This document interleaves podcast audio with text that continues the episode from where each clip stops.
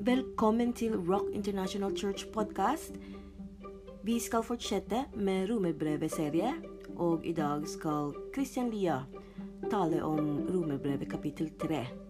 Men først, la oss lese Guds ord sammen med Marit.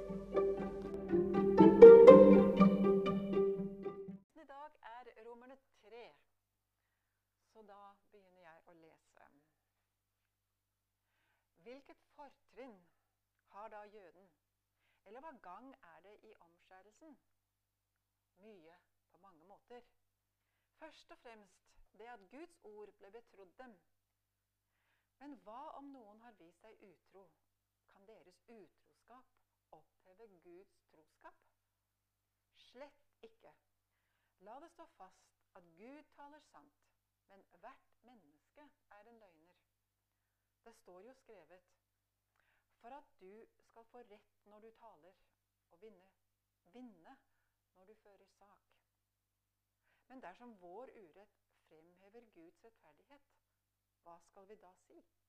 Er ikke da Gud urettferdig, menneskelig talt, når han lar vreden ramme oss? Slett ikke. Hvordan skulle Gud ellers kunne dømme verden?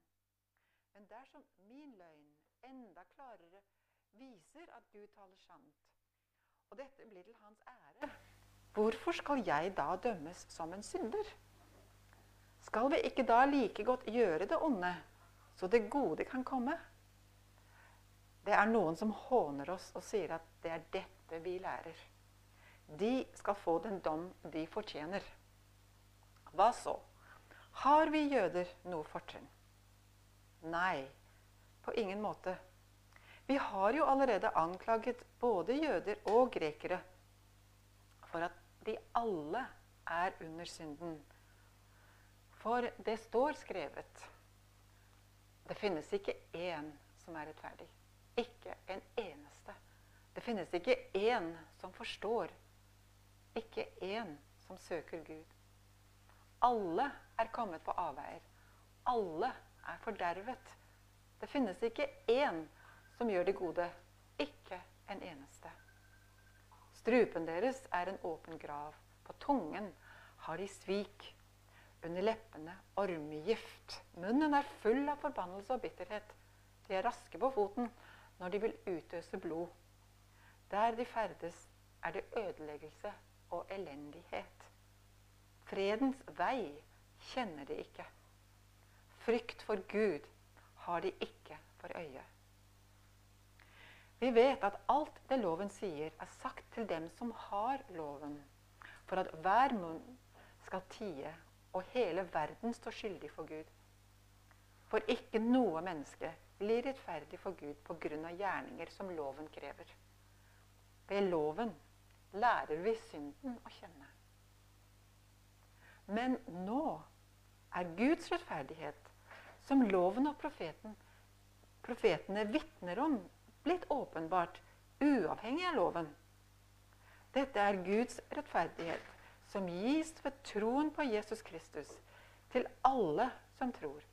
Her er det ingen forskjell, for alle har syndet og mangler Guds herlighet. Men ufortjent og av Hans nåde blir de kjent rettferdige, frikjøpt i Kristus Jesus. Ham har Gud stilt synlig fram for at han ved sitt blod skulle være soningsstedet for dem som tror. Slik viste Gud sin rettferdighet. For han hadde tidligere i tålmodighet holdt tilbake straffen for de synder som var begått. Men i vår tid ville han vise sin rettferdighet. Både at han selv er rettferdig, og at han kjenner den rettferdig som tror på Jesus. Hva har vi da å være stolte av? Ingenting. Hvilken lov sier det? Gjerningenes lov? Nei, troens lov. For vi hevder at mennesket blir rettferdig ved tro, uten lovgjerninger. Er vel Gud bare jødenes Gud? Er han ikke også Gud for andre folkeslag? Jo, også for dem. For Gud er én, Han som rettferdiggjør omskårne av tro og uomskårne det samme tro. Opphever vi da loven ved troen? Slett ikke. Vi stadfester loven. Slik lyder Herrens ord. Jeg har sittet og krangla med begynnelsen på preken min i veldig mange timer. Og sånn det, det, Den er ubrukelig. Og det er ikke noe jeg har planlagt, men jeg kikka på den igjen nå. Det bare irriterte meg.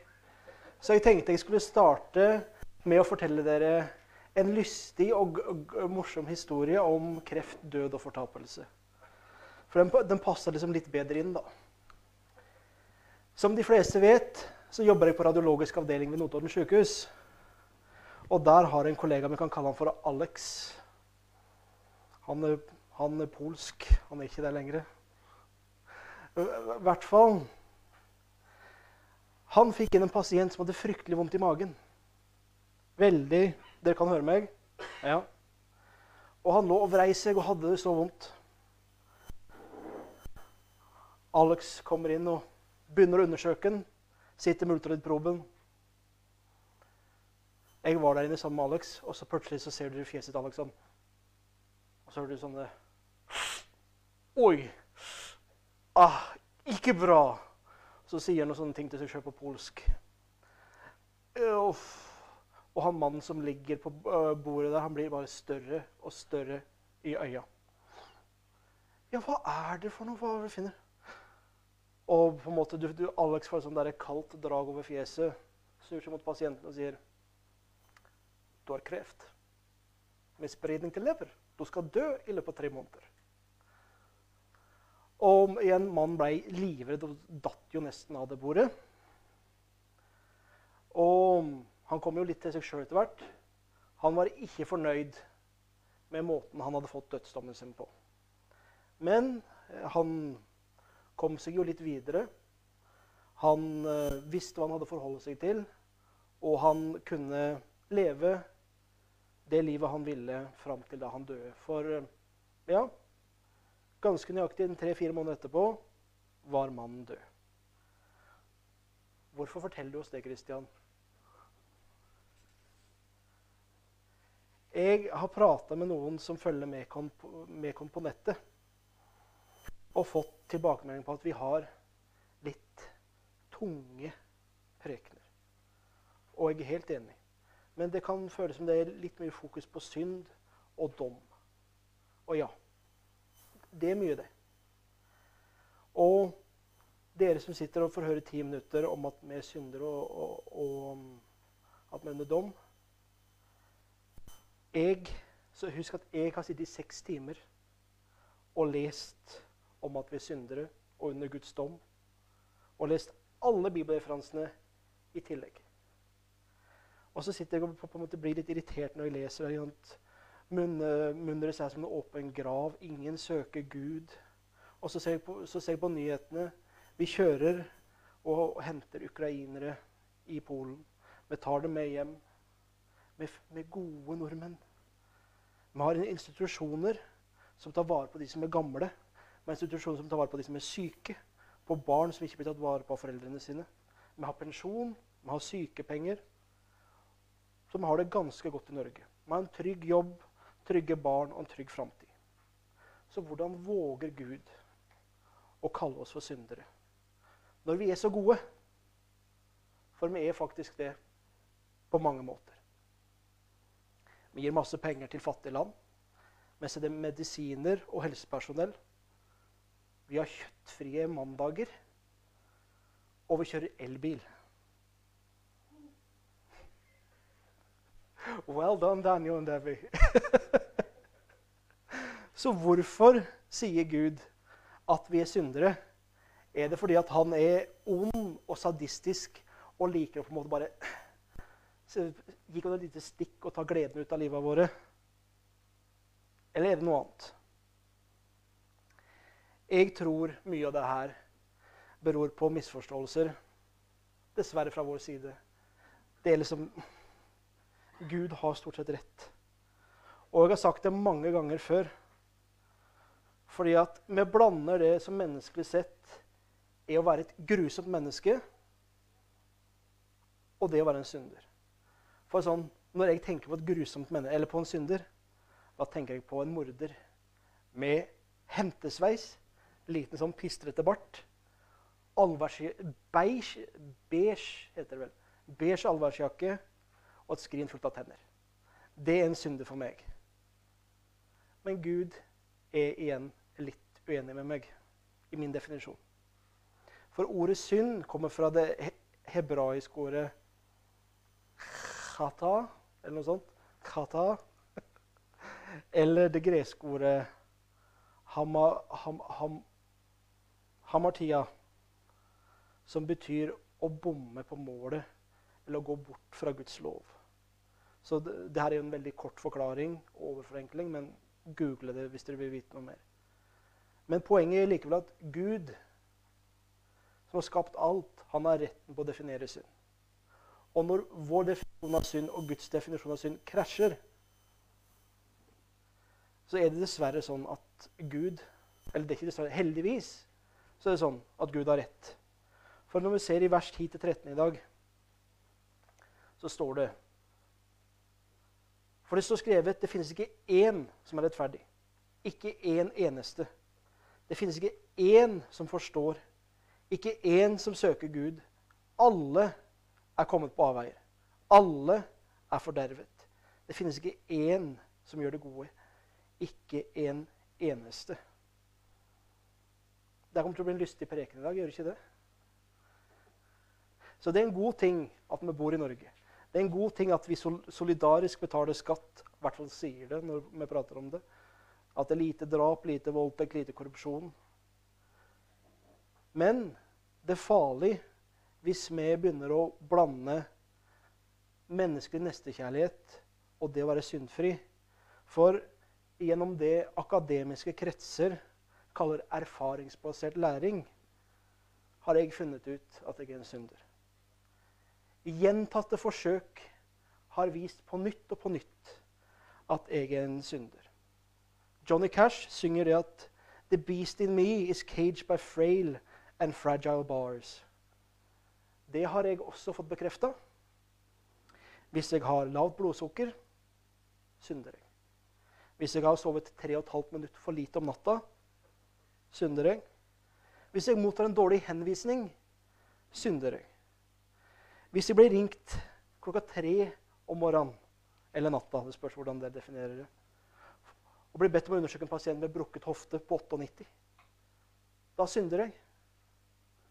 Og da kan det godt hende at spesielt vers 14, 17 og 18 kommer i spill. Munnen er full av forbannelse og bitterhet. Um, fredens vei kjenner ikke. Frykten for Gud har det ikke for øye. Igjen, jeg er ikke stolt av det, men jeg ser det så tydelig i mitt liv at må, Gud må ha rett. Og Det er derfor jeg snakker om at det er farlig å bo i Norge. For vi er så gode. På mange måter så er vi faktisk det. Men hvis du skraper litt i den overflata, når du kommer forbi gullmedaljer, store smil, vafler og Mozell, så er ikke alt så bra der heller. Ekteskapet holdes ikke høyt i Norge. Jeg skal ikke ha noen stor sang og dans om det. Men 50 i hvert fall uansett ender i skilsmisse. Igjen politikerne våre, kristne og ikke-kristne, bryter lover og regler for å berike seg sjøl, for noe må de bruke skattepengene våre på. Vi ser en toleranse som er så enormt tolerant fram til du er uenig med meg, Matti. Da er jeg ikke tolerant lenger. Og en kirke som ikke klarer å stå på Guds ord. Synd og helvete det er fyord. Det må vi ikke bruke. Så hvis du kan ta og fjerne de etterpå, så det er veldig fint. Caleb. Synd og helvete. Og Vi trenger ikke å gå lenger enn til vår egen menighet eller oss selv for å se synd. Sånn som igjen sånne fine spørsmål som Når baktalte du sist?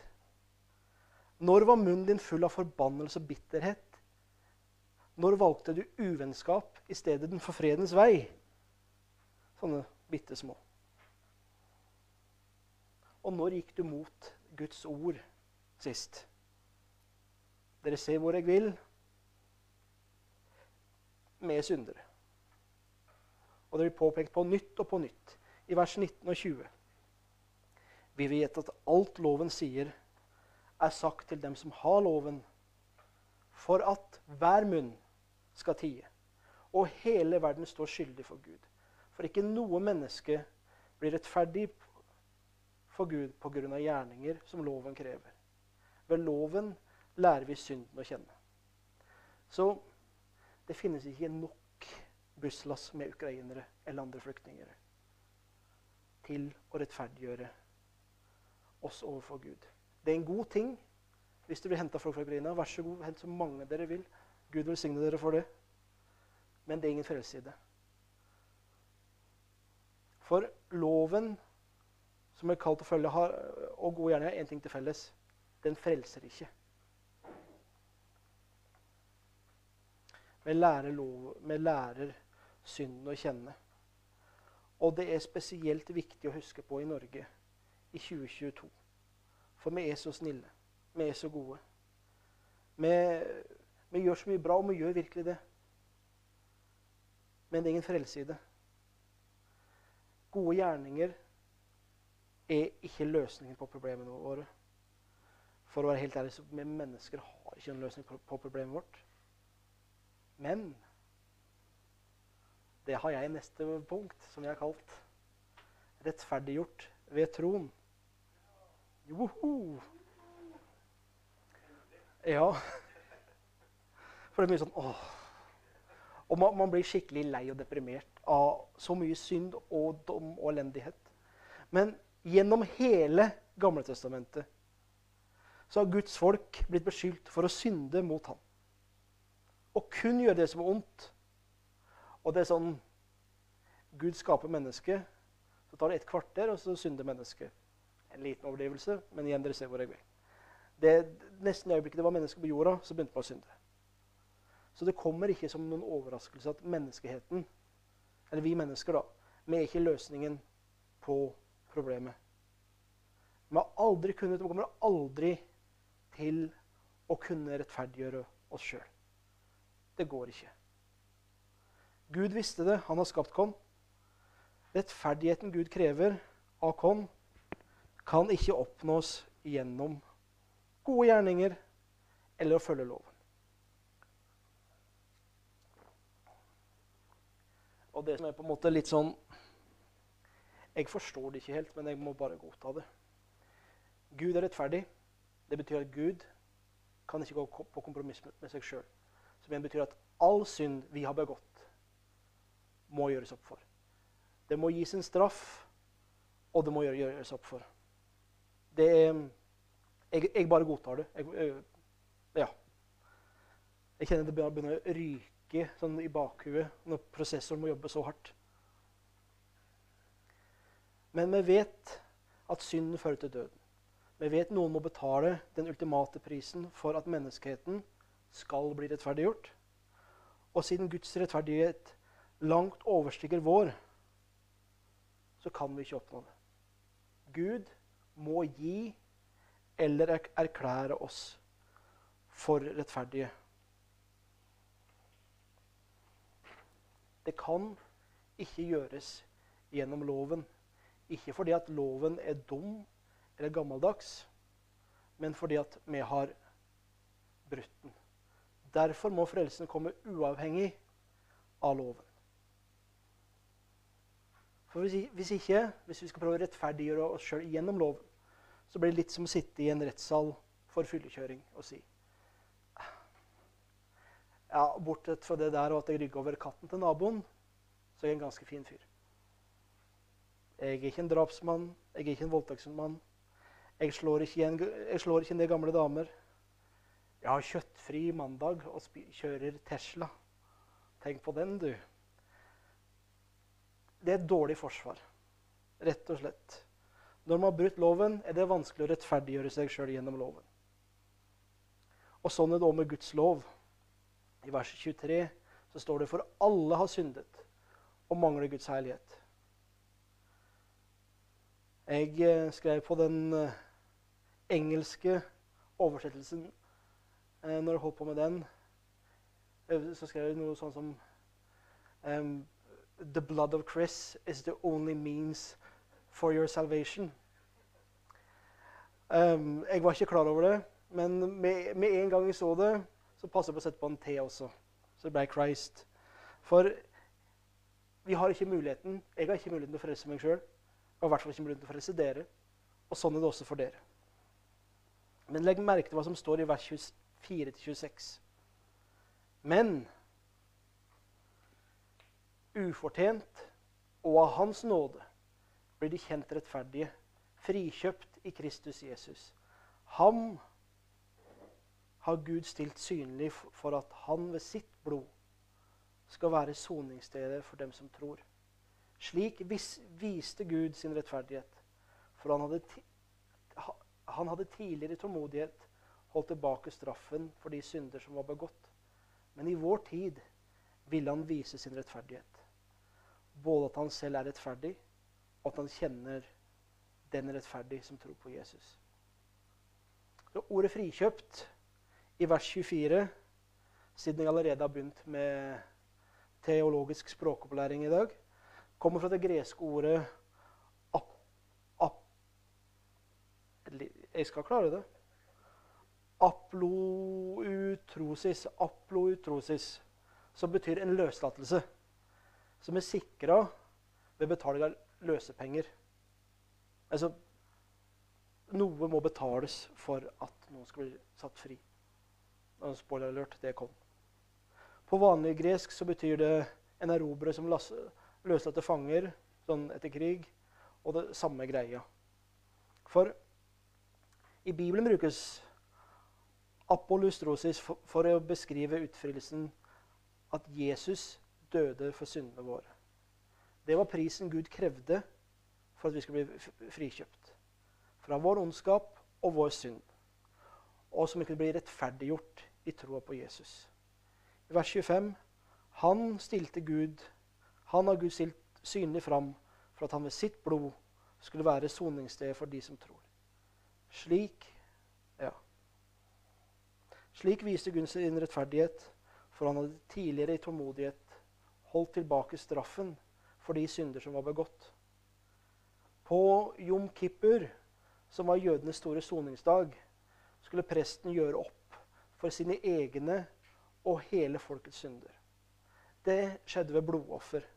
Presten slakta en okse og en bukk og skvetta noe blod på det som ble liksom som soningsstedet, som var på paktens ark. Det var, det var, engler foran og bak, og det var sånn Mercy seat heter det på engelsk.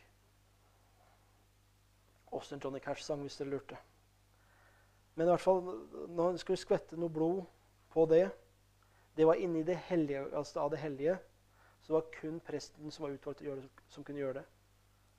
Når presten var ferdig med det, så skulle han vaske seg. Han skulle ta på seg andre klær. Han skulle gå fra teltet der han var, eller fra tempelet.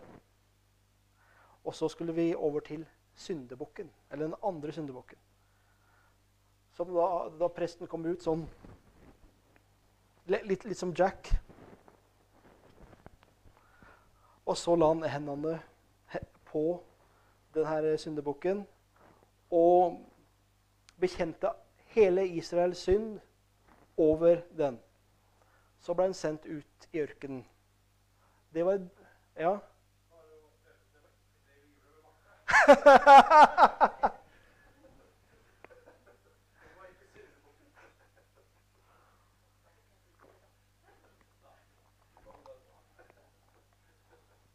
Så da må du være forsiktig hvis du blir invitert på ørkentur, Martha. Men poenget i hvert fall var det at når alle de syndene var erklært over syndebukken, og de ble sendt ut i ørkenen, så var det et bilde på at Israels synd var langt vekk. De, de, kunne ikke få tak i den synden igjen. Den var tilgitt. Den var borte. Og på samme måte For det store offeret her stilte Jesus seg. Gud stilte Jesus fram som prest og offerlam. Som syndebukk. Jesus var det eneste offeret som kunne gjenopprette forholdet vårt til Gud. For med mennesker hadde effektivt skilt oss fra Gud. En tragisk, ødeleggende og dødelig skilsmisse. Vi hadde skilt oss fra Gud, hans paktsløfter, pga. vår synd. Og det var Jesus som var soningsstedet, og det var han som var offeret som tilfredsstilte Guds vrede. Og det var det endelige offeret. Det var kun det som treng, trengs. For, for, for all verdens synd og Guds fulle dom ble lagt på Jesus. Igjen som vi sier om vi ber, var det perfekte, feilfrie offeret som tilfredsstilte Guds vrede en gang for alle. Og Jesus tok med seg vår synd ned i dødsriket. Derfra kan han ikke komme tilbake. Derfra husker ikke Gud på han, og han leiter ikke etter han. Er ikke det deilig? Men for å gjøre det helt klart da, Poenget med dagens preken er at Jesus, hans blod, er det eneste middelet for et rett forhold til Gud. Det er kun gjennom troen på Jesus vi kan bli rettferdiggjort. Og så er det en sånn helt fantastisk ting her jeg, vi, vi skal se raskt på i slutten av kapittel, nei, av vers 25. For han hadde, i tidlig, han hadde, tidligere i tålmodighet holdt tilbake straffen for de synder som var begått. Vi vet og har lest i Bibelen det var troende lenge før Jesus kom til jorda. Eller kom inn i verden. Moses, David og Abraham Daniel skal se på Abraham i neste uke. Der var mennesker som levde i tro og døde før Jesus fikk gjort det han kom for. Det var fordi de levde og døde lenge før Jesus kom til jorda. Og de var syndere. Men Gud holdt tilbake straffa deres. Han bare Ja, ja, jeg vet de syndere, men vent. I sin tålmodighet venta han til Jesus kunne komme, eller skulle komme, og bære straffa for deres synd på korset, sånn at de også kunne, kunne bli rettferdiggjort. Og akkurat som de og oss så er det Det er en helt herlig tekst. Det er sånn, jeg sliter med å få fram entusiasmen, for jeg er fra Heddal. Men det er så bra! Ja. Men det, det, er så bra. Jeg blir så glad å lese det her, for det, det er en sånn enorm glede over den godheten Gud har vist. Han sender Jesus. Jesus gjør alt. Jesus er presten. Han er offerlammet. Han er syndebukken. Og han tar straffa som vi skal ha. Hvis ikke så hadde vi hatt en straff som venta på oss. Og det går ikke. For vi har ingenting å skryte av. Og i hvert fall ikke egne gjerninger. I hvert fall hvis jeg er noe i nærheten av som dere. Så er det helt håpløst. Og så Ja. Jeg, la, la, oss lese vers 29 og 30. Er vel Gud bare jødenes Gud? Er han ikke også Gud for andre folkeslag? Jo, også for dem. For Gud er én, han som rettferdiggjør omskårne av tro og uomskårne ved tro. Opphever vi da loven? Eh, opphever vi da loven ved troen? Slett ikke. Vi stadfester loven. Så vi, ikke-jøder, uomskjærte, vi får del i det her gratis. Hvorfor? Fordi Gud vil. Han har lova det. Han er nådig. Hurra, som vi sier her. Så ja, for, for, å oppsummere kort Det er viktig at vi mennesker godtar at vi er syndere under Guds dom. For det er kun da man har mulighet til å vende om og ikke gå fortapt. Vi kan andre punktet mitt er, vi, ikke, vi kan ikke rettferdiggjøre oss selv. Derfor sendte Gud Jesus til å leve som menneske, leve et syndfritt liv og ta med seg all verdens synd, Guds dom og vrede over hele verden, med seg på korset. Og det er kun i troen på Jesus vi kan bli rettferdiggjort. La oss be. Himmelske Far. vi er så utrolig takknemlige. Det er, det er tungt og deprimerende og irriterende å lese om hvor fæle og syndige vi er. Men takk for at du viser at det er noe mer. Takk for at du viser oss veien ut. Takk for at du viser oss hvorfor. Og takk for at du, du faktisk gjør det fordi at du elsker oss, at du er nådig. Takk, å Gud, at du sørga for de nådemidlene vi trang for å bli rettferdiggjort, for å, bli, for å få et forhold til deg igjen. Takk for at du kom med alt. Du kommer med nådemidler, du kommer med frelse. Alt vi trenger å gjøre, er tro. Og du gir oss egentlig tro også. Far. Så hjelp oss å tro i vår vantro. Hjelp oss å adlyde deg. Hjelp oss å akseptere at vi er syndere. Og hjelp oss å se mot deg, hjelp oss å se deg, og hjelp oss å elske andre på den måten du kaller oss til. Det ber vi om i Jesu navn. Amen.